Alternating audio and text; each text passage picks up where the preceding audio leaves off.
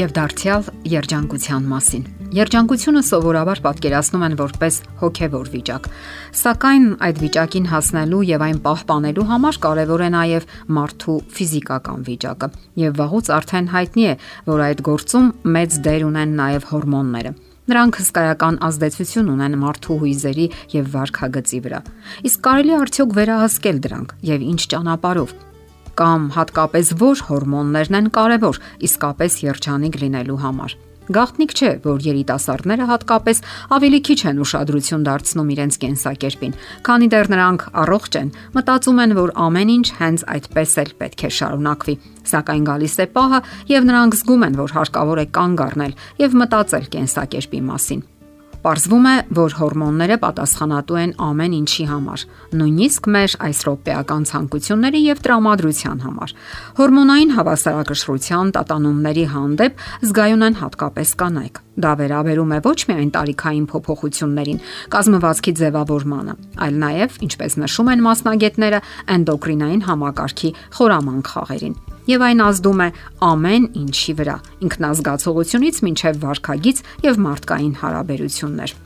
Երբ խախտվում է հորմոնային հավասարակշռությունը, երիտասարդների մեջ մի շարք հարցեր են առաջանում։ Ինչ է պատահել ինձ այսօր։ Ես պատրաստ էի սարեր շուրջ տալ 3, իսկ այսօր միայն ցանկանում եմ ապարկել եւ ոչինչ չանել։ Կամ երեք ես գայլի ախորժակ ունեի, իսկ այսօր ոչինչ չեմ ցանկանում ուտել։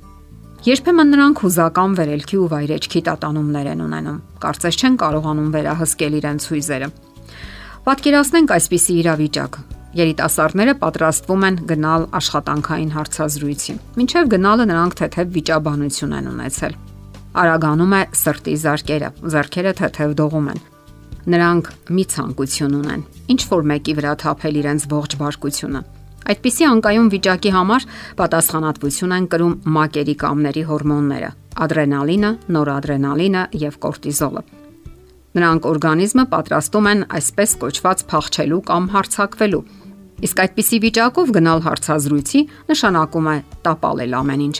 Ընդ որում այդ հորմոնները սիրտանոթային հիվանդությունների գլխավոր պատճառն են։ Եվ եթե երիտասարդները հաճախ են գտնվում նման վիճակում, ապա հավանականությունը մեծ է, որ սթրեսը կդառնա նրանց կյանքի անբաժան մասը եւ բնականաբար նրանք անընդունակ կլինեն ճիշտ եւ հավասարակշռված որոշումներ ընդունելու կյանքի ցանկացած ոլորտում, կյանքի ընկերոջ ընտրությունից մինչև աշխատանքային փոխհարաբերություններ։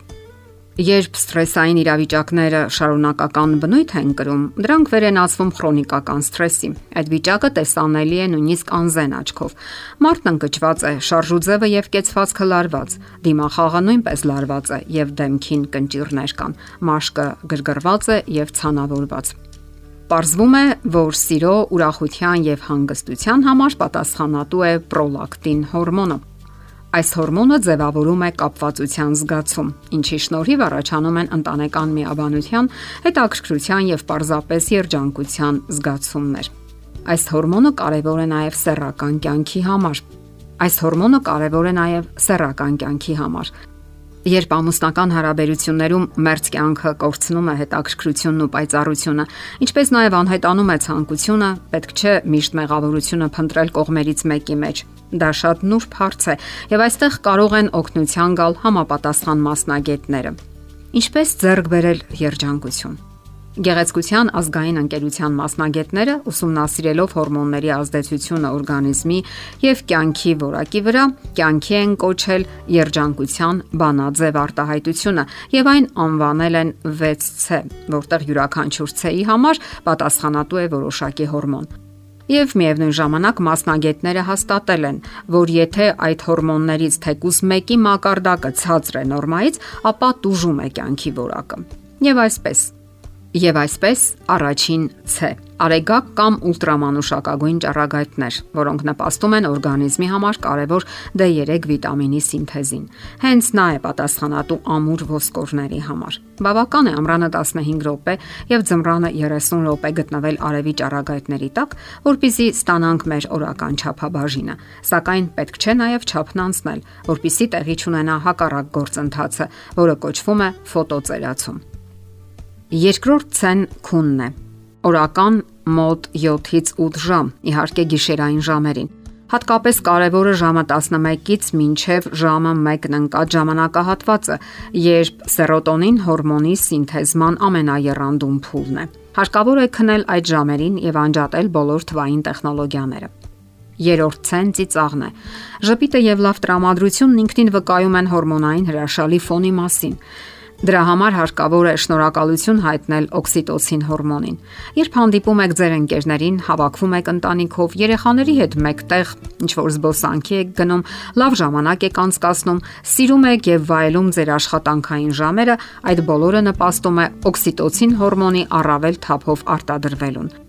Երբ հանդիպում եք ձեր ընկերներին, հավաքվում եք ընտանիքով, երեխաների հետ մեկտեղ զբոսանքի եք գնում, լավ ժամանակ եք անցկасնում, սիրում եւ վայելում եք ձեր աշխատանքային ժամերը, այս բոլորը նպաստում է, որ օքսիտոցին հորմոնը առավել թափով արտադրվի։ Հարկավոր է կարևորել նաեւ սպորտը, ամուսնական սեռական կյանքն ու երջանկության ձգտումները եւ պատկերը པարս կլինի։